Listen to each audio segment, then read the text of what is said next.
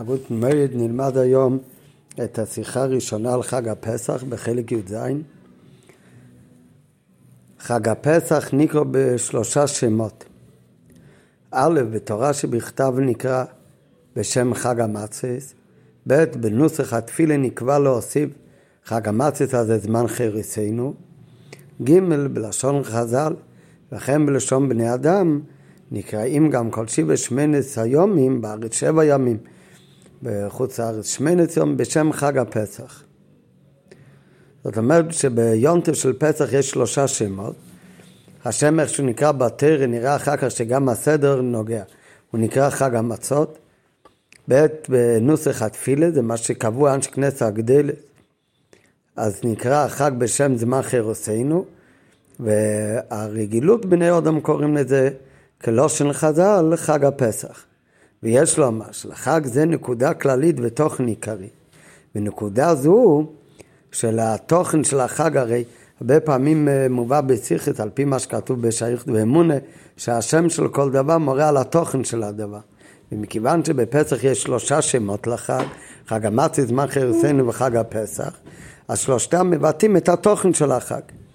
אז יש למה שלחג זה יש נקודה כללית ותוכן עיקרי, ונקודה זו כוללת שלושה עניינים. שהם באים לידי ביטוי בשלושה שמות אלו. ומכיוון שסדר בתורה גם הוא תורה, אז גם הוא חלק מהתרא שתרא מלשון הוראה נמצא, ששלושת השמות והעניינים שלהם וההוראות שלהם הם באים לפי סדר החשיבות. לכל ריש, דבר ראשון מגיע העניין של חג המצס. אחר הוא יסביר איך השלבים האלה הם בזמן שקודם צריך להיות העניין של חג המצס, ואחר כך זמן חרצנו, ורק אחר כך העניין של חג הפסח. אז יכול ריש בעניין של חג המצס, שזה שם של החג, איכשהו בתורה שבכתב, זה דבר ראשון, זה השם הראשון שיש ליונטם. אחריו בא העניין של זמן חרצנו, שזה ממטבע שטבעו חכמים אנשי כנסת הגדולה, להגיד את זה בתפילה. אחר כך מגיע השם חג הפסח, שהוא שם מקובל בלושן חז"ל ובלשון בני אדם. בהערה ארבע מביא הרבה ראי קדושת לוי פשט בי בנוגע לשמות חג המצת וחג הפסח. כן, אז זה לכאורה ביור לא קשור כל כך לשיחה כאן.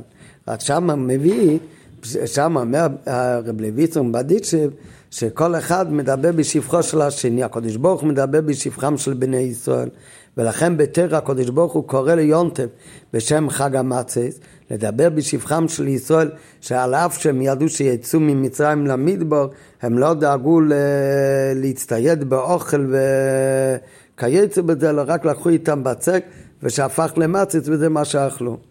לעומת זאת, בני ישראל, כשמגיע יונטב של פסח, אז הם מדברים בשבחו של הקודש ברוך הוא, ולכן הם קוראים ליונטב בשם חג הפסח, ושפוסח הקודש ברוך הוא על בוטי ישראל בנוקפס מצרים, שזה מדבר על הניסים שעשה הקודש ברוך הוא עם עם ישראל שהרג כל הבכורות והציל לבני ישראל. ולכן שתי שמות אז זה מה שכתוב כאן בהערה ארבע, ראי קדוש אסלבי פרסבי בנוגע לשמות חג המצריץ וחג הפסח, שחג המצריץ זה השם שהקדוש ברוך הוא קורא ליונטב, בשבחם של ישראל, וחג הפסח זה השם איך שהוא נקרא בפי בני, בני ישראל, שזה שבחו של הקדוש ברוך הוא על הניסים. אבל כאן בציח הולך להסביר את כל השלוש שמות. חג המצריץ, מאחרצינו וחג הפסח, ואיך ששלושתם, גם הסדר שלהם הוא הרע בעבודת השם. זמן יציאת מצרים, ממשיך בשיחה, הוא כמבואר בנבואת יחזקאל, לידת עם ישראל. הטעם לכך שהדבר מתואר בלשון לידה, אינו רק משום שבאותו שעה נעשו בני ישראל לעם. זה שהם נהיו לעם, זאת ניתן לומר להבדיל גם בנוגע לעמים אחרים. שיש זמן מתי שהם הפכו לעם אחד. אלא זה שבני ישראל ביציאת מצרים זה נקרא בנמשל לעניין של לידה, מפני שבעת היותם לעם, אז הפכו בני ישראל על ידי זה למציאות חדשה. בדיוק כמו לידה, זה לא עוד התווסף עוד משהו. מקודם לא היה כאן עובר חי. ברגע של לידה נעשה כאן מציאות חדושה של עוד בן אדם חי. ולכן ביציאת מצרים זה עניין של לידה, מביא על זה בהערה שש.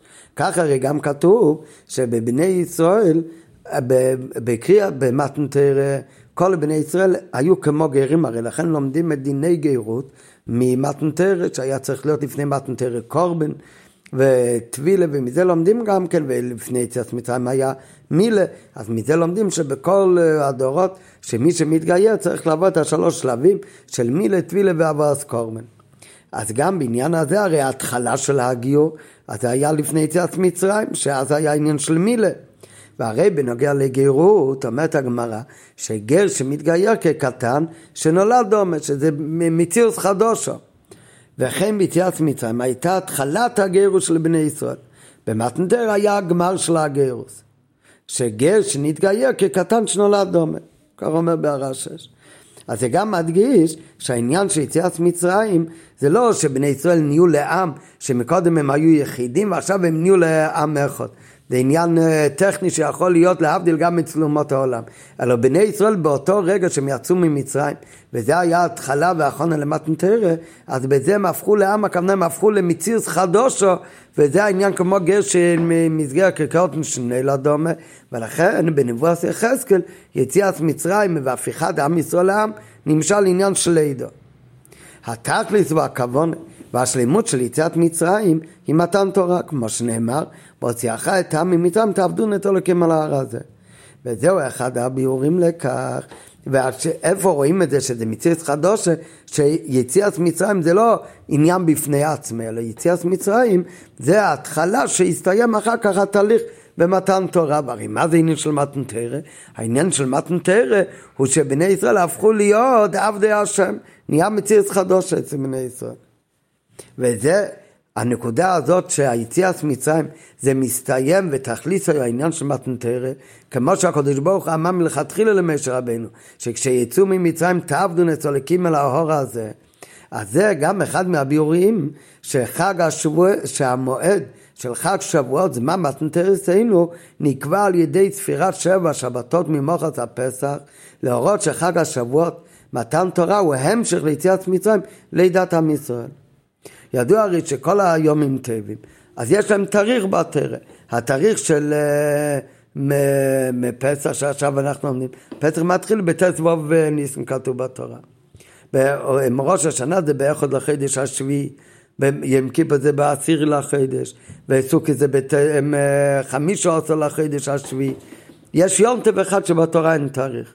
ולכן, כמו שאמרנו פעם, באריכות, אז באמת בזמן שהיו מקדשים את החודש על פי הראייה, אז היה יכול להיות שבועס לפעמים, כמו שאלתרבה אומר בסוף הלכס פסח, ששבועס יכול, היו שנים שיכול להיות בה' סימן, יכול להיות ו' סימן וז' סימן. בזמן הזה שקובעים את החודש על פי חשבון, אז מהחודשים ניסן ואייר אחד מלא אחד חסר, ולכן תמיד יוצא חג שבועס בו' סימן. שזה התאריך של מתנתרא באמת. אבל בזמן שמקדשים על פי אריה, אז זה יכול להיות פעם ככה, פעם ככה, איך זה יכול להיות? מכיוון שבאמת, על חג שבועות אין תאריך בתורה. כתוב בתורה שיש פסח, וממוחץ הפסח תספרו חמישים ימים, שבע שבועס, ואחרי שעוברים שבע שבועס, ביום החמישים, זה חג השבועס. לכן זה נקרא חג שבועס, אחרי שבע שבועות. ואין תאריך ליום הזה, ליום טבע הזה. שלמה זה באמת ככה? זה מדגיש עוד יותר שהעניין של מתנתרא, העניין של חג שבוע זה לא עניין בפני עצמו, זה ההמשך ובזה מסתיים התהליך שהתחיל ביציאת מצרים. ולכן שבועס זה כמו, זה כמו הסוף של חג, חג הפסח. וזה אחד הביאורים לכך שמי חג שבועות, זה מה מתנתרסנו, נקבע על ידי ספירת שבע שבתות ממוחץ השבס, להורות שחג שבועות מתנתרא הוא ההמשך ליציאת מצרים, לידת עם ישראל. כלומר, לידת עם ישראל באה כאחד עם הפיכתם לעם של תרא. כל מהותו של יהודי, גם כיחיד, היא תורה. בדרך כלל, להבדיל אצל אומץ העולם, כשהופכים לעם מה ישתנה כאן? היחיד בכלל לא ישתנה. המושג של עם זה, הרבה יחידים מתאספים ביחד, אז הם הופכים עכשיו למציאות של עם. אבל כל יחיד בפני עצמו נשאר אותו דבר. בני ישראל כשהם יצאו ממצרים, ובנביא הוא ממשיל את זה לעניין של לידו, שהם הפכו לעם, זה לא הכוונה רק, הם הפכו לעם לקבוצה גדולה של אנשים. האומה שלנו זה לא אומה כמו שאר האומץ שעל ידי שהרבה מתאספים ביחד ומחליטים לעשות אותו דבר, לדבר אותו שפה, הם הופכים להיות לעם. אין האומה שלנו מביא מהאורם, מהרס"ג, ומסענו איננו אומה, כי אם ישראל, על ידי התרא, זה מה שהופך אותנו לעם. ולכן במתנתרא, מה שהשתנה זה לא רק שהפכו כאן ציבור של עם, אלא כל יחיד ויחיד נהיה מציאות אחרת. לידת, ואיפה זה התחיל? התחול של מתנתר זה היה מיציאת מצרים. כלומר לידת עם ישראל באה כאחד עם הפיכתם לעם של תרא. כל מהותו של יהודי, גם כיחיד, היא תורה. ומציאות חדשה זו אינו רק משום שבגלות מצרים היו ישראל בשפל המצב ביותר וממילא לא היו כלים ראויים מצד עצמם לקבל ולקלוט את התורה ואדרבה. במצרים הם היו שקועים במ"ם תשע טומאה, אז היה מצבם עוד בניגוד לתרא ולקדוש. אז זה גם נכון, אבל לא רק זה, אלא למה צריך מתנתר וניסי נזכרך מיוחדת? ואיזה עניין חדש שבני ישראל יהפכו לעם של תרא? זה לא רק כי עד אז הם לא היו ראויים לכך כי הם היו שקועים במ"ם תשע רתומה גם אם הם לא היו שקועים במ"ם תשע רתומה במצרים וגם אם היו עבדי השם אז עדיין היה צריך להיות הפיכה לעם להפוך אותם לעם של תרא. זה לא יכול לקרות מעצמו. למה באמת? אז על זה הוא מוסיף זה בעיקר כי יהודי, ו... כי, כי הניברו, הנבראים והתרא זה דבר שהוא בין ארוך. כי התור, כל ניברו הוא גבול. ומה זה התורה? תורה זה שעשועים של הקודש ברוך הוא, זה בלי גבול. ולכן הניברו בכלל לא יכול להתאחד עם תרא. וכדי שיכול להיות חיבור בין הנברואים לבין התרא שהיא בלי גבול, חוכמת של הקודש ברוך הוא, היא שעשועים של הקודש ברוך הוא, אז בשביל זה צריך להיות שהנברואים בין עם ישראל יהפוך למציאות חדושה. וההפיכה של עם ישראל למציאות חדושה, שיכולים לקלוט ולהתחבר עם משהו שבאין ארוך אליהם, עם התורה שהיא השעשועים של הקודש ברוך הוא בעצמו, אז זה היה צריך להיות המהלך של, של יציאת מצרים שיסתיים במתנתרא. אלא בעיקר מפני שהתורה היא אצלו ימן, שעשועים של הקודש ברוך הוא. והתורה היא חמדו וגנוזו שגנוזו לכו, לקודש ברוך הוא. היא נעלית לגמרי מן הנברואים. ולכן אבו ישראל, בהיותם בעולם הזה בכלל, ועל אחת כמה וכמה בהיותם במצרים, שזה מיצו וגבול, הרי דבר, דבר חדש לגמרי שלא בגדרם. אז זה בכלל לא בגדר שבני ישראל יכולים בכלל להיות מחוברים עם הטרס שהיא חמדו וגנוזו של הקודש ברוך הוא. וזה צריך להפוך את עם ישראל למציאס חדושו, שגם בהיותם נברואים מוגבולים יכולים להתחבר עם הבלי גבול של התורה, ושהפכו להיות עם, שמה זה העם הזה? זה עם של תרא, המציאס שלהם הופך להיות מציאס של תרא.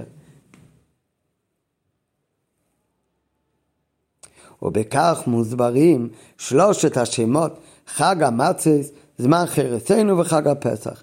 הם מבטאים שלושה תנועות ונראה בהמשך זה, השלושה תנועות זה שלושה שלבים ובסדר זה דווקא שלב אחרי שלב שנדרשות כדי ליצור מציאות חדשה באמת שהיהודי, בני ישראל בעלי גבול יהפכו להיות מחוברים עם הטרס שהיא חמדו גנוזה של הקודש ברוך הוא. כדי להבין את זה בין הקשר בין יהודי לבין הקודש ברוך הוא, שזה נעשה על ידי הטרם, אז הוא מתחיל להקדים בעוד ג' על דרך זה גם בין רב ותלמיד. אבל לפני שנמשיך בפנים, בדרך כלל כשכתוב בחסידה שיש המשל בין רב ותלמיד וצריך להיות הכנה לתלמיד כדי לקבל דברי הרב וכל הביורים כמו שנלמד עכשיו בפנים. אז זה לא מדובר דווקא ברב ותלמיד זה בדרך כלל לא הכוונה סתם כל רב ותלמיד. מה שאנחנו היום קוראים רב ותלמיד, אז זה יכול להיות, הרב והתלמיד הם בערך אחד לשני. יכול להיות לפעמים אפילו שהתלמיד הוא יותר חכם מהרב. רק מה, הרב הוא כבר למד יותר, אז יש לו יותר ידיעות, התלמיד הוא פשוט יודע בינתיים פחות. מחרתיים שהתלמיד ידע יותר, אז הוא ידע עוד יותר מהרב גם כן. אז זה רב ותלמיד, זה לא רב ותלמיד שבאין ערך, זה בערך אחד לשני. ואז באמת, אז אף על פי שבאופן כללי צריך תמיד את כל השלוש דברים שנלמד בהמשך השיחה, אבל בעיקר זה מודגש כשמדברים על רב ותלמיד שהם באין ערך, שהוא הרב, הוא התלמיד, לא רק בגלל שהוא קצת יותר מבוגר והתלמיד עוד לא למד, לכן הוא הרב, הוא התלמיד, אלא כשמדברים בחסידס על רב ותלמיד, יש צריך לרב ויש צריך לתלמיד, מכוונים שצריך לרב הוא בדאגה כזאת שהתלמיד על כל פנים במצב הנוכחי הוא בכלל לא יכול להגיע לשכל הרב. מצד עצמו אין לו בכלל את ההשגות, הוא לא יכול להשיג את ההשגות האלה של הרב. זה לא רק כי הוא עוד לא יודע, רגע אחרי שהרב ילמד אותו, הוא גם ידע. כל הדוגמה בחסידית, בדרך כלל הרב ותלמיד, זה שכל הרב שהוא שכל הרבה יותר גבוה. עד שלפעמים זה דוגמה על, על שכל באין ערך לעומת שכל התלמיד. ושכל התלמיד הוא בדאגה כזאת שהוא בכלל לא יכול להיות באופן של שכל הרב. ולכן הרב צריך לצמצם את עצמו לפי ערך התלמיד וכולי וכולי. ובעניין הזה של הקשר בין הרב והתלמיד, הרי גם בתלמיד הזה שהוא באין ערך, מהו התכלית? התכלית שגם התלמיד הזה, סוף כל סוף, שגם הוא יגיע לדרגה שכהים הנה שדי תדר רבי, שיאיר אצלו השכל הרב איכשהו. רק כדי שזה יקרה, צריך להיות כמה שלבים. נראה עכשיו בפנים בעוד ג' ויובן זה על דרך, בדוגמה מסדר לימוד של רב עם תלמיד. כאשר מלמד והשכל של התלמיד מצד עצמי בכיח שכלי הוא אינו יכול לעמוד עליו. כמו שאמרנו מקודם, לא מדובר כאן שיש כאן איזה, הם, אה, חסר לו ידע. והרב, הוא אומר לו את זה, אז עכשיו יש לו גם את הידע הזה. מדברים כאן על רב ותלמיד באופן כזה, שהתלמיד מצד עצמי, מצד כיח השכל שלו, מצד שכלי הוא, איך שהשכל שלו מצד עצמי, לפני שהרב משפיע לו, הוא לא יכול לעמוד על השכל הזה. וכזה דבר בשביל התלמיד, אחרי שהרב יגלה לו, אז זה באמת חידוש דבר. ולכן השכל הזה הוא באין ערך אליו. השכל הזה הוא דבר חדש אצלו. וזה לא רק דבר חדש, כי עד עכשיו הוא לא שמע את הדבר הזה. אחרי שהוא שמע, אז עכשיו יש לו גם את הידיעה הזאת. אלא זה נקרא דבר חדש אצל התלמיד, כי זה דבר שלמעלה מגדר השכל של התלמיד. מצד שכל התלמיד שלו, אז בגדר שלו הוא בכלל לא מסוגל להבין כאלה דברים. נו, אז איך באמת יכול להיות שגם הוא יבין ויקלוט את הדברים האלה שלגמרי למעלה מהגדורים שלו? אז על זה יש שלוש שלבים. השלב הראשון, דבר ראשון צריך להיות, לכל ראש נדרשת מהתלמיד תנועה של ביטול.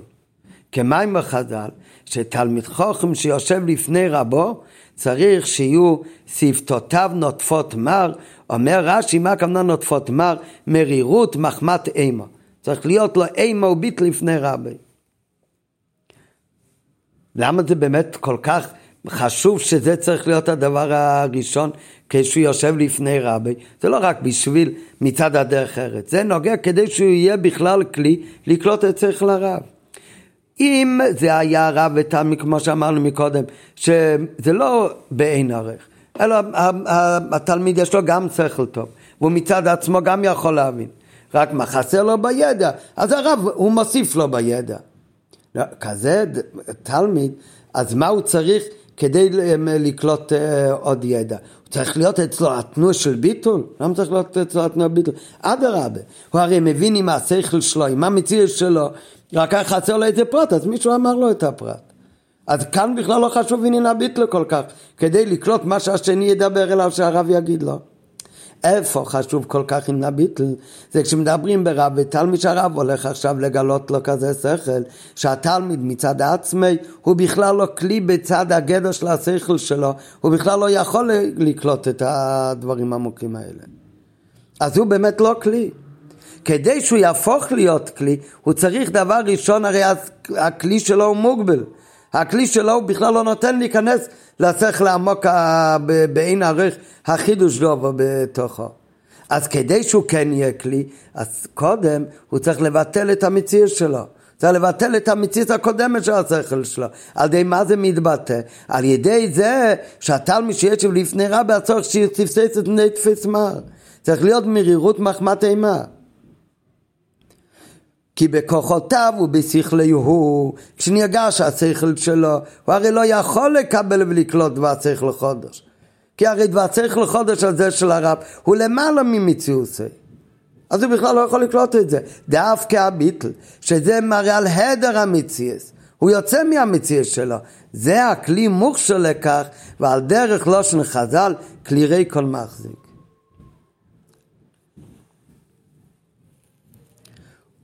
אז זה ההכנה הראשונה שצריך להיות. אולם אחר כך, אחרי שהוא כבר יושב בביטל בתכליס לפני רבי, הוא ביטל את עצמו לגמרי, הפך את עצמו כלי ריקן. כל זמן שהוא חושב על השכל שלו, לי יש שכל טוב ואני אוכל לקלוט מה שהרב אומר, הוא באמת לא יוכל לקלוט. כי השכל שלו הוא באמת לא בגדורים האלה. דווקא כשהוא יגיע להבנה שהשכל שלו לבד הוא לא מספיק טוב. ועל זה הוא מבטל את עצמו, הופך להיות כלי ריקון. ההדר מציר של הכלי ריקון, בזה הוא נהיה עכשיו מוכשר, שאם הוא מתבטל, אז הרב יכול להחדיר בו, באמת גם צריך לחודש למעלה מיוקי. אז זה השלב הראשון. אבל אחרי השלב הזה, מוכרח התלמיד להשתדל ולהשיג את הסבורה, ולשם כך הוא מוכרח להשתמש בשכל ובמציר שלו. השלב הראשון זה שיתבטל באמת. אבל מה, הוא יישאר ככה בצוותי סוף נטפס מר? אז הוא אף פעם גם לא יבין כלום. אחרי האחרונה הזאת על ידי הביטל, שעל ההדר השכל שלו, אחר כך הוא מטה את האוזן להקשיב, ואז הוא לא עושה כלום. אחר כך אבל הוא צריך עם השכל שלו לבד לנסות לנתח מה הוא עכשיו שמע וקיבל מהרב. אולם אחר כך מוכרח התלמיד להשתדל להציג את הסבור ולשם כך הוא מוכרח להשתמש בתוך מציאה שלו. שכן יחד עם זאת שדווקא כלי ריקון מחזיק. נכון, צריך להיות כלי ריקון, אבל ביחד עם הכלי ריקון, אז אסור שיהיה חור בכלי. הכלי צריך להיות גם כן כלי שלם. הוא חייב הרי להיות כלי שלם ללא נקבה מבטל סניונוי. לפיכך, לא די בתנועת הביטול, אלא יש צורך גם בפתיחת והכנת המח לקבלת דבר שכל שכלי המקבל ומחזיק. אז זה כבר השלב השני. ותכלס הלימוד היא, ואחרי שהוא היה לו כבר גם הביטל. מצד שני, אחרי הביטל הוא גם משתמש בהסוגה שלו, אבל מה התכלית? שאחרי שהוא מתחיל להשתמש בהסוגה שלו, הוא לא מבין רק כמה שהוא יכול להבין מצד הסוגה שלו, אלא שבסוף יאיר על ידי כך גם את עמק השכל של הרב. זה כבר תכלס, זה השלב השלישי כבר. ותכלס הלימוד הוא, שסוף סוף יסקיים בתלמיד, כהן איניש הדייתא דרבי. ובמילא, אף על פי שבמצבו עכשיו הוא עדיין מושלל מן היכולת להבין את דייתא דרבי. נכון, כרגע כשהוא, יש לו גם את הביטל וגם את השכל שלו, שהוא חושב ומבין, אבל בינתיים זה באמת לא הדייתא דרבי. ולכן מוכרח הרב להשפיע לתלמיד, ההשפעה שכל מצומצמת. הוא הרי עכשיו עוד לא יכול להשפיע לו באמת איך שהשכל מאיר אצל הרב. כי אז התלמיד בכלל יתבטל, לא יכול להבין. אלא צריך לצמצם את השכל, שיהא בערכי של שכל התלמיד, כי כמו שאמרנו מקודם שהרי התלמיד מדברים כאן על כזה תלמיד שבכלי שלו, הוא לא מסוגל עדיין להבין את עמק הסבורי של הרב, ואת עמק השכל, כפי שאצל הרב, הוא נמצא בהלם בהשפעת השכל המצומצמת. מכל מקום, גם עכשיו צריכה להיות אצל התלמיד כבר תנועה של יציאה מן המדידה והגבולה של שכלי הוא, וישראל ממוסיכלי אל שכל הרב, ודווקא על ידי זה יוכל לעמוד סוף סוף על דייתא דרבי, שכל שמלאתו, שכל שמלאתו מסוג אחר לגמרי. כתוב הרבה פעמים בכתיב שהרב מלמד את התלמיד שבאין ערך אליו, אז כדי ל, לרדת לרמה שלו, אז כמובן הוא צריך לצמצם את השכל, שיהיה לפי ערך התלמיד. אז מה התלמיד מבין עכשיו? אז התלמיד מבין עכשיו רק שכל מצומצם לפי ערכי. אם לא, הוא הרי לא יכול להבין. אז אם ככה, בשביל מה צריך את הרב הגדול הזה שצמצם? אז לכתחילה שילמד אותו מישהו שלכתחילה רב שיש לו רק את שכל התלמיד. אלא מה? כמובן שהרב כשהוא מצמצם את השכל שלו בתוך שכל התלמיד, שגם הוא יכול להבין עכשיו, אז בתוך השכל המצומצם שהוא עכשיו מעביר לתלמיד, בפנימיס ובהלם מונח בזה גם כל עמק שכל הרב. רק את אותו עמק שכל הרב כרגע התלמיד עוד לא יכול להגיש. כרגע מה שהתלמיד מבין זה רק את שכל הרב איך שהוא צמצם את זה לפי ערך התלמיד. אבל מכיוון שהרב, כשהוא צמצם בזה את שכל הרב, אז לכן הרי בהלם יש בזה גם כן את כל עמק סובר הרב. אז לכן עם הזמן, עם השנים, שהתלמיד אחר כך ימשיך ללמוד ולעיין בזה, אז בסוף, בתוך השכל זה גופה, הוא בסוף ארבעים שון, כוי מיני שדייתי דרבי, אבל בסוף הוא ימצא בזה באמת גם כן את כל עמק שכל הרב. שלמעלה מהסוגוסי הוא שהיה באותו רגע שהרב בפעם הראשונה לימד אותו את הסברה הזאת. זאת אומרת שיש כאן שלוש שלבים. השלב הראשון, הוא צריך להתבטל. הוא צריך להתבטל אפילו כדי לקבל את שכל המצומצם שהרב מלמד אותו עכשיו. כי הרי בפל זה לא צריך, זה שכל מצומצם לפי אחד תלמיד, אבל הרי בפל מאיר בזה בפנימיס, יש בזה כל עמק שכל הרב. אז לכן דבר ראשון הוא צריך לבטל את עצמו לגמרי. אז זה צריך להיות האחרון הראשונה של התלמיד. אחר כך התלמיד צריך להשתמש בשכל שלו, ואז מה הוא מקבל? אז הוא מקבל את השכל שבאין ארוך אליו, אבל בתוך הכלי שלו מה מאיר? מאיר בתוך הכלי שלו בינתיים רק את השכל המצומצם לפי ערכוי. אחר כך יש את השלב השלישי, שהרי התכלי של כל זה הוא שבבוא הזמן יאיר דרך השכל המצומצם הזה גם כל עמק שכל הרב, שזה באין ערך מצריך לתלמיד איכשהו עכשיו. ולכן כבר עכשיו, שבאמת לא מאיר אצלו את כל עמק הרב שבאין ערך אליו, אז גם כבר עכשיו צריך להיות בלימוד שלו גם כן את התנועה שהוא יוצא מכל המדידת והגבולת שלו.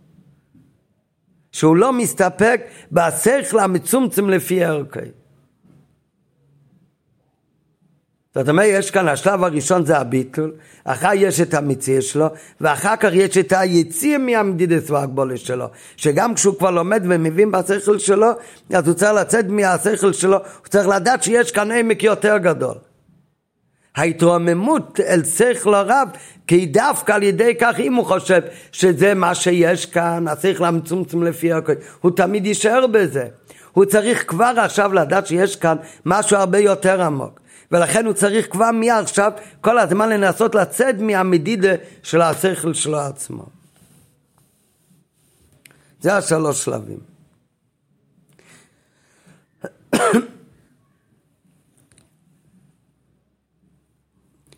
אם יש את השלוש שלבים האלה ונגיע לרב ותלמיד, אז ממשיך בשיחה, אז כך יש את השלוש תנועות הללו גם כן בבני ישראל שהיו צריכים להפוך למציאס חדוש או להתרומם, להתחבר לתרא שהיא והיה אצלו יאמן, שזה השעשועים של הקודש ברוך הוא, שזה בין ערך לבני ישראל. אז גם כאן צריך להיות שלוש השלבים האלה.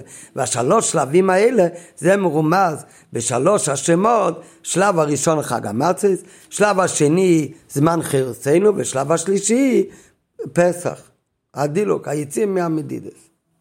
רק לפני שנמשיך, שזה ביסבוב, הביאו איך שזה בקשר בין בני ישראל שהפכו למציאס חדושה על ידי הלידה של יציאת מצרים עד מתנתרת, אז קודם, בעוד ד' וה', אז הוא, אומר שלכאורה אפשר לשאול על השלוש שלבים, שלפי מה שאמרנו עכשיו, השלב הראשון זה הביטל. אחר כך יש להשתמש בשכל שלו להבין, ואחר כך העניין השלישי זה לצאת מהמדידת והגבולת שלו. אז על זה הוא שואל שלכאורה יש גמרא, שהגמרא אומרת שרבה בידע לווינה לכאורה יש להקשות על סדר זה שהתחילה צריך להיות שפתותיו נוטפות מר, ביטל, ורק אחר כך תנועה של כלי של מציאס, וצריך להיות כלי שולם עם השכל שלו.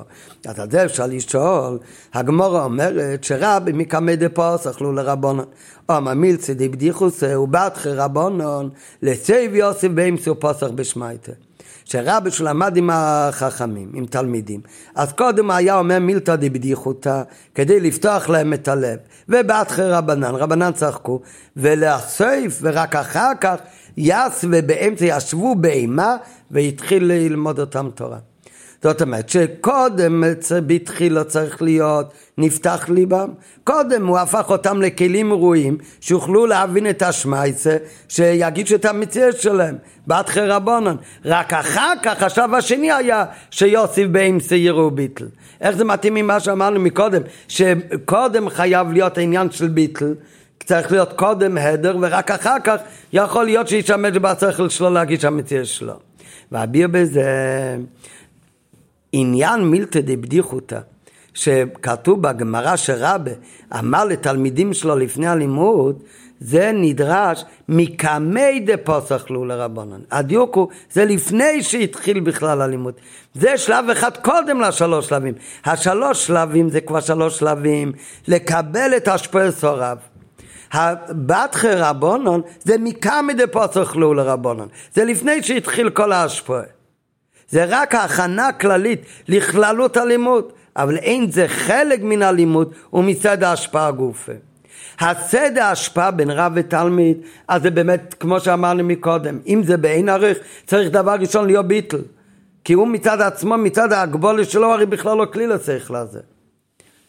אז לכן צריך להיות דבר ראשון, צריך להיות ספסי סוף נטפס, מה צריך להיות בביטל ובאימא לפני זה השלב הראשון, כדי שיהיה רואי להשפעה. זה כבר השלב הראשון של ההשפעה, של להפוך אותו לכלי בכלל. השלב השני אחר זה שיבין עם השכל שלו. הבת רבון זה עניין אחר.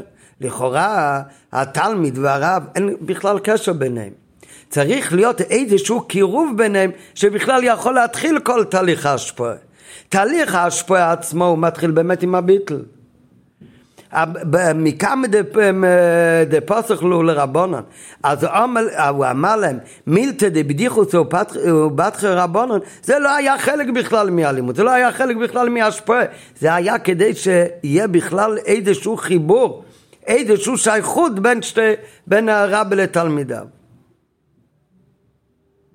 הביאו בזה עניין מילתא דבדיחותא הנדרש. מקמי דפתח לו לרבנן, הוא רק הכנה כללית לכלול את הלימוד, אבל אין זה חלק מן הלימוד ומצד השפעה גופה. בסגנון אחר, מילתא דבדיחותא לא בא כדי לעשות את התלמיד ראוי לקבל דבר שכל, אלא רק כדי לעורר בו את הרצון להיות מקבל.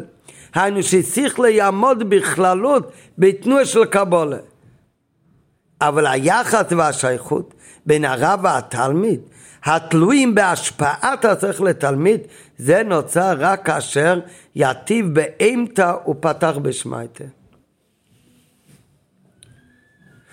בלי המילתא דבדיחותא ובתחי רבונון, אז רבונון בכלל לא יגישו שום שייכות לרבי כאילו. למה באמת, אז זה גוף, כמו שאמרנו מקודם, מדובר הרי על רב ותם שם בעין ערך, אז הגישו שאין להם בכלל שום שייכות ושום uh, סיכוי uh, להיות מחוברים אליו. ולכן היה להם, אז זה גם מוציא מהם את כל הרצון בכלל לקבל. לכן היה צריך להיות איזשהו יחס ביניהם, וזה עניין חיצוני. מציין כאן באור, זה גם כתוב במים בלכודדי, שחכמים אומרים לפני החתונה, שצריך להיות איזושהי הכנה כללית שיהיה בכלל איזשהו חיבור. זה בבחינת מקיף, כן, לא נוגע עכשיו אה, הביאו משם, אבל על כל פנים, התלמיד שהוא בעין ערך, אז גם יכול להיות שלא יהיה לו שום רוצן לקבל בכלל. אז כדי שבכלל יהיה לו איזשהו רצון לקבל, צריך להיות איזושהי שייכות ביניהם, והשייכות הזה צריך להיות שייכות חיובית של קרבה, ולכן הוא אמר למילצי דיבדיחוסה, ובתחי רבנן, אז נעשה כאן איזושהי שייכות, אז עכשיו הם מבחינת רוצן לקבל. לא, אם יש שם רוצן לקבל, אתה יודע איך באמת תהפוך אבל למקבל? להפוך למקבל עכשיו בפה לממש, כאן ההתחלה זה באמת יוסיף באימה בעניין של ביטול. ועל פי זה, על פי הביו הזה באות ד' מובן גם הסדר מה שאמרו חז"ל לעולם תהי שמאל דוחה וימין מקרבס שמשמע מסדר הלשון שלעולם תהי תחילה שמאל דוחה ואחר כך ימין מקרבס תמיד צריך להיות קודם שמאל דוחה ואחר כך ימין מקרבס וההדגשה במיימר זה לא רק שהתחייה שהעניין של אה, לדחות צריך להיות בסמל, בחלישות, ביד קיה, לעומת זאת הקירוב מקרב וזה צריך להיות בכל התקף ימין מקרבת, שכמובן זה גם נכון, אלא יש בזה עוד הדגשה במים החז"ל, שקודם צריך להיות סמל דרך ואחר כך ימין אה, מקרב. וגם על זה אפשר לכאורה לשאול איך מתאים הסדר הזה שאומרים צריך להיות קודם סמל דרך ואחר כך ימין מקרבת עם המים הנ"ל שמכאן מדי פוסח לו היה אומר להם בילצי די בדיחוס תנועה של מקרבת ורק לבצב יוסף באמצע זה תנועה הופכית של סמל דרך ועוד. חוץ מזה שזה קשה מצד המים ממה שהגמור מספרת על רבה שקודם היה לכאורה עניין של מי מקרבת הוא אמר למילצי די בדיחס ורק אחר כך היה תנועה של דחייה התנועה של אה, יוסף באמצע. אז בנוסף לזה הרי כלל הוא שימין קודמת לשמאל בכל התר תמיד ימין קודם לשמאל, קודמת לשמאל ואיך כאן פתאום שמאל הוא לפני ימין ועוד יותר קשה לאחר מים לאילם, הגמרא עומד לאילם תהי שמאל דרך וימין מקרבת, כתוב יצו תינג ואישו תהי שמאל דרך וימין מקרבת. והנה סדר, הכתוב כאן גם יצהורת תינג ואישו, כל אלה צריך להיות שמאל דרך וימין מקרבת. אחד מהדברים זה תינג, זה ילד. והנה סדר חינוכו של תינוק הוא שיש, גם על פי תרם, מביא הרמב"ם, צריך בהתחלה לזרז אותו ללימוד, בדברים שהם אהובים אצלו, לקטנות, שהם לקטנות שנה, שילמד, תקרא ותן לך אגוזים, כמו שהעריך הרמב"ם בפירוש המשנייס. זאת אומרת, מובן מזה שבתינק צריכה להיות ימין מקרבת לפני צמאל דרך. כנראה במוחש גם, שאם הגישה של התינק תהיה בצמאל דרך בתחילו, עלול הדבר לדחותו מהלימוד לגמרי. כדי לעורר את הילד אה, תשוקה ללמוד, אז בוודאי צריך להתחיל עם ימין מקרבת. אז איך זה מסתדר עם החז"ל, שלאלה יהי שמאל דרך קודם, ורק אחר כך מין מקרבת. אבל על פי הנעל הדבר מובן. כשמדברים לעולם תהי, שמאל דרך מימין מקרבס, הנידון הוא רק בסיידה השפועל על הזולס בפייל, כשיש כבר השפועל בפייל. כמו שאמרנו מקודם, כשהרב והתלמיד הם כבר בגדר רב ותלמיד והוא כבר בבחינת מקבל, הוא רוצה לקבל, אז עכשיו תנועת השפועל צריך להיות, בזה סדר הוא שהתחיל לסמל דרך, אחר כך מין מקרבת כנ"ל ציב ג' ד'. אבל יש עניין מה שצריך להיות לפני שבכלל הוא הופך להיות תלמיד. לפני שמתחיל בכלל תהליך ההשפעה.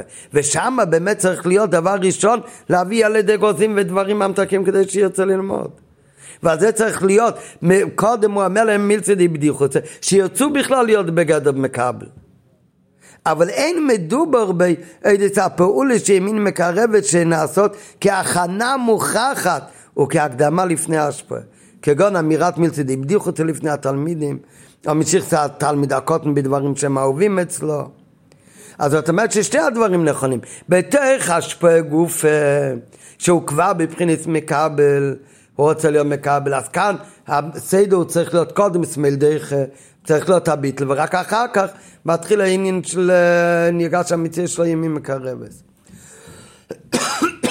אבל לפני שבכלל מתחיל כל תהליך ההשפעה, כדי שיהיה החונה שבכלל יכול להיות, אז יש החונה מוכחת, וההכנה הזאת היא צריכה להיות תמיד בקו הימין.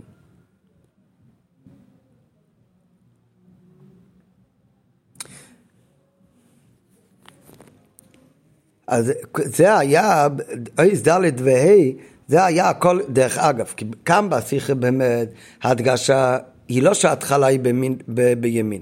ההדגשה כאן באמת שההתחלה תמיד זה בעניין של ביטול. כלי ריקון צריך להיות דבר ראשון. רק אחר כך צריך לבדוק גם שהכלי הוא צריך להיות אבל כלי שולם ולכן הוא משתמש עכשיו בשכל שלו. ואחר כך רק יכול להיות המניין השלישי, וזה כבר צריך להיות בעצם גם בשלב השני, צריך להיות כבר מיד הידיעה והיציאה מהמדידה והגבולה שלו, שהוא בעצם רוצה, הוא צריך לדעת שיש כאן שכל למעלה מהשכל של עצמו. כדי שבסוף באמת יהיה גם כהן מדעי תדרבי. אז זה כל הריחוק כאן בשיחה, ומה זה קשור למתנתרא, אחרונה למתנתרא היה בני ישראל, צריך להיות גם כן את השלוש שלבים האלה. והשלוש שלבים האלה מורמזים בשלוש שמות שיש לחג הפסח, אז כל הריחוק כאן זה באמת שהתחול היא מהביטל. רק, וביטל זה כאילו בתנועה של סמל, ורק אחר כך יש את המציאות שלו שזה תנועה מימין. רק אויז ד' וה' הוא שאל בדרך אגב, שהרי רואים בחז"ל גם כן שצריך להיות קודם עניין של ימין, כמו שבתחי רבונון, וכמו שהרמב"ם אומר בפירש המשנה שצריך להביא לילד דברים שחביבים אצלו כדי לדרבן אותו ללמוד, זה הכל מימין. אז הרב אומר שזה בכלל לא סתירה, כי כל הדברים האלה זה ימין באמת, זה ההתחלה, אבל זה עוד לא חלק שקשור להשפועה. זה הכל האחרונה, וזה באמת הכנה מוכחה כדי שיהיה חיבור ביניהם. שיהיה לו בכלל חשק ורצון ללמוד של הילד. ושיהיה לתלמיד חשק ורוצן להיות בבחינת מקבל. אבל באותו רגע שהוא כבר הפך להיות בבחינת מקבל, אז עכשיו השפועי גופה, אז הסדר הוא באמת בשלוש שקודם יש עניין של ביטל, ורק אחר כך גם כן הכלי שלו.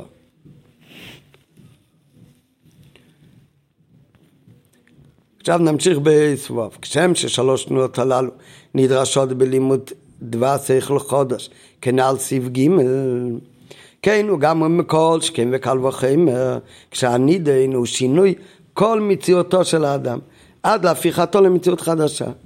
וגם בענייננו, בלידת העם כעם ישראל, אשר הגמר והשלמות שלה היו, כאשר תעבדו את האלוקים על ההר הזה כנ"ל סעיף בייס, היה צר... צריך בשלושה עניינים אלו. א', כדי שבני ישראל יוכלו לקבל את התורה, נדרש מהם תעבדון, תעבדון אלוקים על ההר הזה, תעבדון, הכוונה צריך להיות אביידה והגיע, ואביידה והגיע זה לבטל את הציור הקודם שלהם, המנוגד לתורה. וכך גם כתוב בחסידס הרבה פעמים, שכל עניין של גולוס מצרים, גם אבי דקושי בגשמיץ, אז זה היה לבטל את המציאות שלהם, את הציור שלהם, ואז הם הפכו להיות ראויים, להיות כלי לשם הוויה, למעלה מהגבולת של עצמם. כדי שזה השלב הראשון, כדי שבני ישראל יוכלו לקבל את התורה, נדרש מהם תעבדון עבודה והגיע לבטל את הציור הקודם שלהם, שהוא מנוגד לתורה. ועוד עניין בזה, תעבדון זה כעבודת עבד העושה את עבודתה בביטול ובקבלת עול. שכן כדי לקבל את תורת השם, שאמרנו מקודם שתרץ השם זה לא לקבל משהו שבערך אליך, אלא תרץ השם זה חוכמות של הקודש ברוך הוא, זה דבר שבאין ארוך אלינו, אז לכן לא יכול להיות המציאות שלנו כלי לזה, כי הגבול הוא לא כלי לבלי גבול. אז מה צריך להיות ההכנה? צריך להיות דבר ראשון ההדר, הביטול שלנו. צריך להתקיים נאסה ונשמע, הקדומס נאסה ונשמע, שזה מדגיש את הביטול וקבלת צל. ב' אחרי השלב הראשון צריך להידור גיסא, צריך להיות קיום תעבדון, אינו באופן כזה ששובר את מציאות האדם, אלא אדרבה. זה גופו הוא עצם מציאותו. אחר כך צריך הרי שהתורה תרדו במציאות שלו. שהרי בני ישראל והתורה הם כמו דגים וים. כידוע המשל שהשועל אמר לדגים לצאת מהים כי הם, אם לא הם יהיו בסכנה. הם אמרו חוץ לים הרי אנחנו בכלל לא במקום חיותנו. זאת אומרת שכל המציאות והחי שלהם זה הים. והרי על דרך ועל, והרי זה על דרך מה שדגים אינם חוצצים במקווה לדעת רבי שמעון בן גמליאל, כי הדגים הפכו להיות, הם חלק בלתי נפרד מה, מהמים, כי כל המציאות שלהם, כל החי שלהם הוא הרי הים. אז על דרך זה בני ישראל, כל המציאות שלהם זה התורה.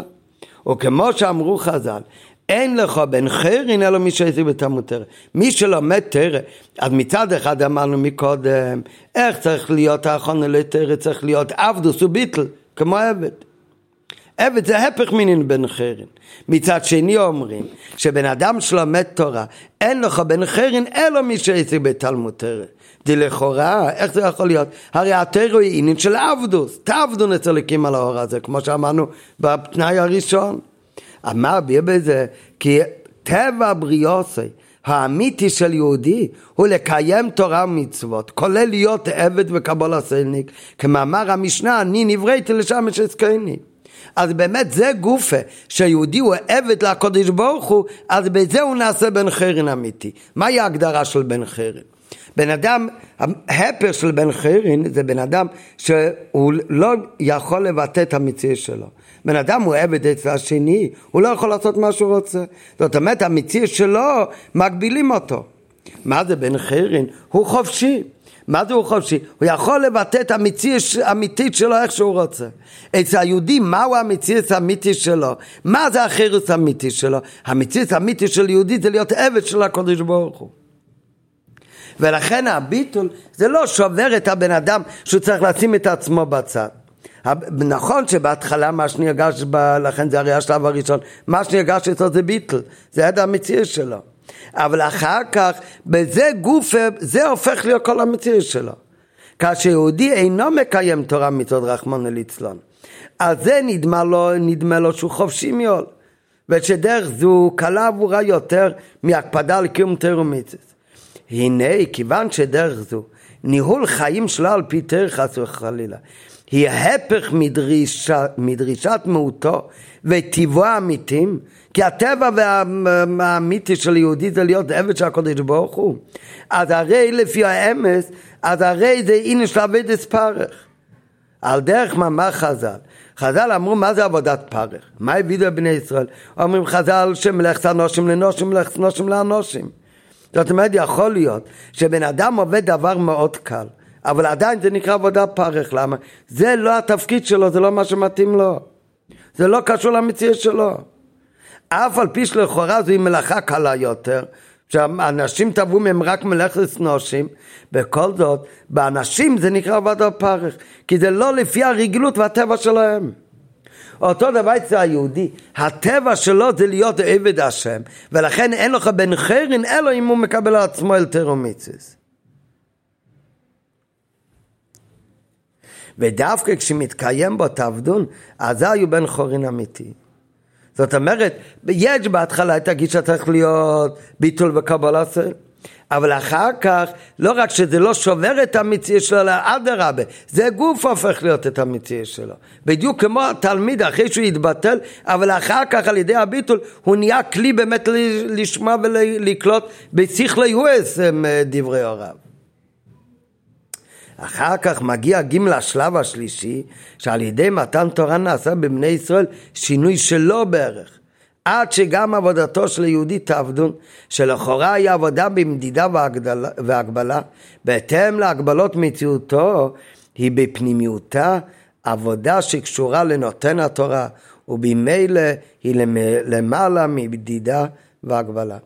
ביהודי כשהוא עובד את הקודש ברוך הוא, אז כשהוא עובד את הקודש ברוך הוא, אז מכיוון שהיהודי כאן למטה הוא מוגבל, אז גם המצווה שהוא מקיים, אז הוא מניח תפילין בגשמיס, זה הכל דברים מוגבלים.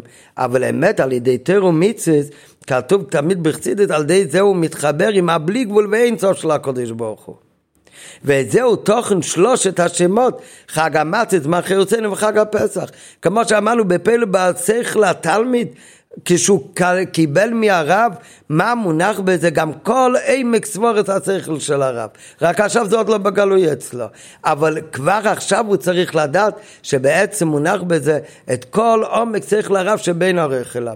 ולכן הוא יוצא מהמדידה וההגבלה שלו עד שבסוף קוים איניש עדיין תדרבי אותו דבר יהודי מתבטל, אחר כך זה לא שובר אותו, אלא כל המציא שלו הופך להיות מציא של תרא, אבל המציא שלו הוא מוגבל אבל, אבל בפייל המציא שלו קשורה עכשיו לתרא ומציא, התרא ומציא באמת מחברים אותו עם הבלי גבול של הקודש ברוך הוא, עם האינסוף. וזה כבר העניין השלישי. וזהו התוכן של שלוש שמות חג המציס, זמן חירותנו וחג הפסח. מצה מורה על ביטול, הדר הגבה והתנסות. חירוסנו, מה אצלנו? שהוא בן חיירין. מורה על כך שביטל זה לא שובר אותו, אלא זה נקרא במציאות של היהודי. באופן שניכר ומורגש בו עניינו האמיתי של החירוק כנ"ל. ויש לו בכך עינג. אחר כך הוא מגיע לפסח, השלב, השלישי, זה מלשון דילוג, הדילוג שלו בערך שהיה, והוא הוכרח להיות אצל בני ישראל. מצד הדילוג שלו בערך שנעשה מלמעלה ביציאת מצרים מתנתרא, זה תנועה שצריך להיות אצל כל אחד, לצאת מהגבלות שלהם ולהתעלות למקום נעלה מהם שלא בערך.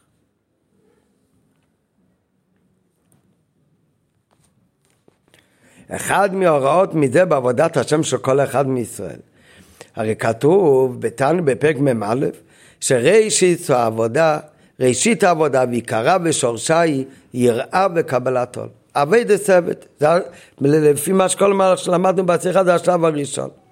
ברם, העבודה אינה צריכה להיות מתוך עצבות חס וחלילה ובשבירה. הבן אדם אומר, אם תכלית אביידה מה שטוב ממנו בהתחלה להתחיל בעיר וקבלה אז זה שובר אותו. אז זה יהיה גם מתוך תנועה של אצוס חס ושולם. אלא שהרי ועמך כולם צדיקים. ולכן לא צריך להיות עבודה מתוך עצבות חס וחלילה. אלא אם כן נדלג רגע על הארבע שורות האלה. מכיוון שבעמך כולם צדיקים, ובקדוש מצד עצמה אין שבירה. לא שייך עניין של שבירה. כי כמו שאמרנו מקודם, נכון צריך להיות ביטל, אבל הביטל לא שובר אותו, כי אדרבה, זה הופך אותו למציאות אמיתי שלו. ולכן צריך להיות האביידה גם של קבלות צל וביטל, מתוך שמחה. כל הצורך בתנועה של מרירות, ולב נשבר ורוח נמוכה, זה רק מצד הגוף ונפש הבאמיס, כששולט חס וחלילה לאדם. ואזי היות האדם בלב נשבר מרירות הנפש, מגבורות קדושות, זה מבטל את השליטה של הנפש הבאמיס והגוף. אבל מצד נפש הליקית, אין שבירה לא שמחה. מקודם, בארבע שורות, שדילגנו אחרי ועמך כולם צדיקים, אומר הרבה שיש לפעמים שכן צריך להיות עבודה באופן של שבירה באמת. שהביטול הוא שובר את המציאות שלו, מתי באמת? זה כשיש לו כבר מציאות לא טובה. כשיש מציאות לא טובה, כש... למה אמרנו מקודם שהביטל זה לא שובר את הבן אדם, אלא אדרבה, אחר כך זה הופך אותו לבן אחרים, כי זה המציאות האמיתי שלו. זה כשהוא באמת, אחרי הביטל, הוא עובד את הקודש ברוך הוא, שזה המציאות האמיתי שלו. אבל אם חס וחלילה מישהו עבר את הדרך ופגם, ועשה דברים לא טובים. הדברים האלה הם הרי מציאות של רע. המציאות הזאת היא מציאות לא טובה. את המציאות הזאת באמת צריך להיות שבירה. אלא אם כן העמיד האדם מסך מבדיל ומחיצה, שאת המחיצה הזאת הוא צריך לשבור אותם תחילה, לשבר הקליפס, ואת זה הוא עושה על ידי שבירס ליבי ומרירס הנפש. ואז הוא יכול להתחיל לעבוד את השם. אבל בתוך עבודת השם גופה, אם הוא כבר שבר את הקליפה ואת המחיצה שבאזל שהיה בינו לבין הקודש ברוך הוא, אז העבודה עצמו, אז כאן הביטל הוא לא צריך להיות מתוך אצוס ומרירוס. אדרבה, הביטל גוף וזה הופך להיות התענוג שלו, כי זה המציאות שלו. כי בקדוש מצד עצמו אין בכלל עניין של שבירה.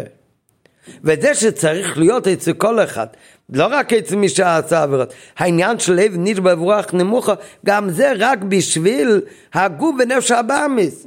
אותם צריך לשבור ולהיות ברוח נמוכה.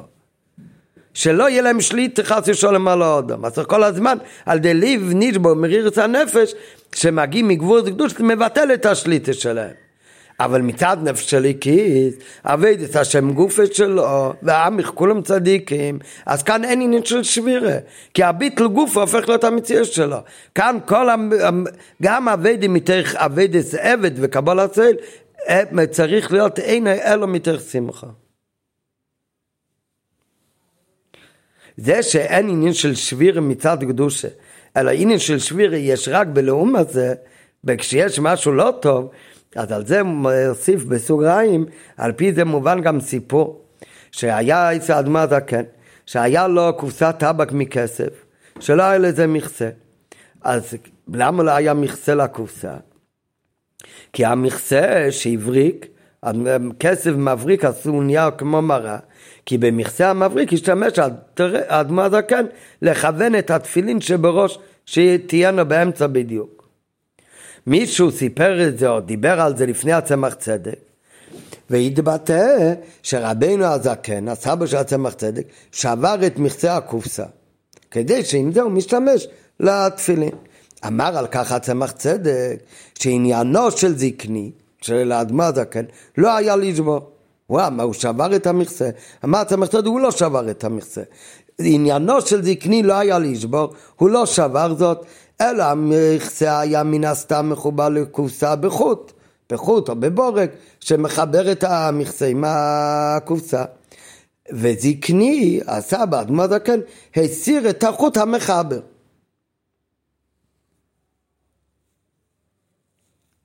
ולכאורה, טוב, אז זה, זה פשוט אצל הצמח צדק, מכיוון שברוכניס, כמו שאמרנו מקודם, אין בעבודת השם, אין אצלה אל תראה בעניין של שבירה, יש רק עבודת מתך שמחו, אין עניין של שבירה בקדושה, אז אצל הצמח צדק אמר אצל הסבא, אדמה זקן, כל כך אין אצלו את העניין של שבירה, שגם בגשמיס לא יכול להיות שקיבל קופסה ושבר.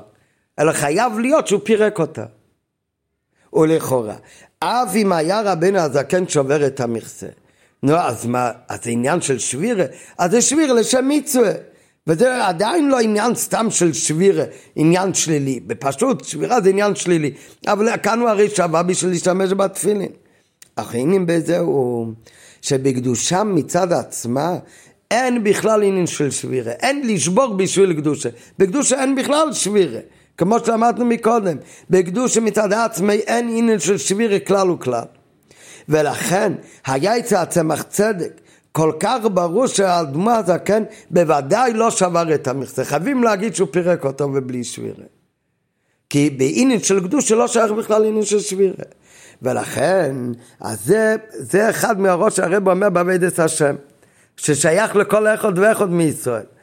כן, אבל כל מה ששייך לכל אחד ואחד זה לא מה שהוא אמר בארבע שורות בדרך אגב, שאם יש מוסר חמבדיל יש כאן עניין של שבירה. זה הוא הזכיר רק דרך אגב. אלא היורש שיש לכל אחד ואחד בישראל זה כשגם יהודי עובד את הקודש ברוך הוא בביטל וקבלה סל כמו שכתוב בתניא שרישיס אבי דביקו ושושו שעדיין לא מיר אצלו כלום צריך להיות עיר וקבלה סל אז כאן לי בדרך כלל אין כל כך עניין של שמחה והוא חושב שכזאת עבודה שוברת אותו אז זה היורה לכל אחד ואחד ולכן הביטול והקבלת עול שנדרשים בראשית העבודה בעבודה של נפש אלוקית גופה צריכים להיות בעונג ובחיות מתוך הכרח שזוהי החירות האמיתית ומציאותו האמיתית של איש ישראל. בהערה האחרונה אומר הרב להעיר שמציאותו של עבד גם בגשמיאס המציאות של עבד היא מציאות האדון שלכן ההלכה היא שעבד כל מה שקונו עבד קונה רבי מלכתחילה. אז בעצם רואים כאן גם בגשמיות, שבפנימיס מציאס העבד הוא המציאס העודן. אז על האחס כמה וכמה שאצל יהודי, העבדוס והקובל סייל, לא רק שזה לא שובר אותו, אלא אדרבה. זה הרי מציץ אמיתי שלו להיות עבד של הקודש ברוך הוא, אז דווקא על ידי זה הוא נהיה בן חרין אמיתי, ולכן האבד שלו גם מתוך קבל סייל וביטול נעשה מתוך שמחה ותיינוק וחיוס אמיתי.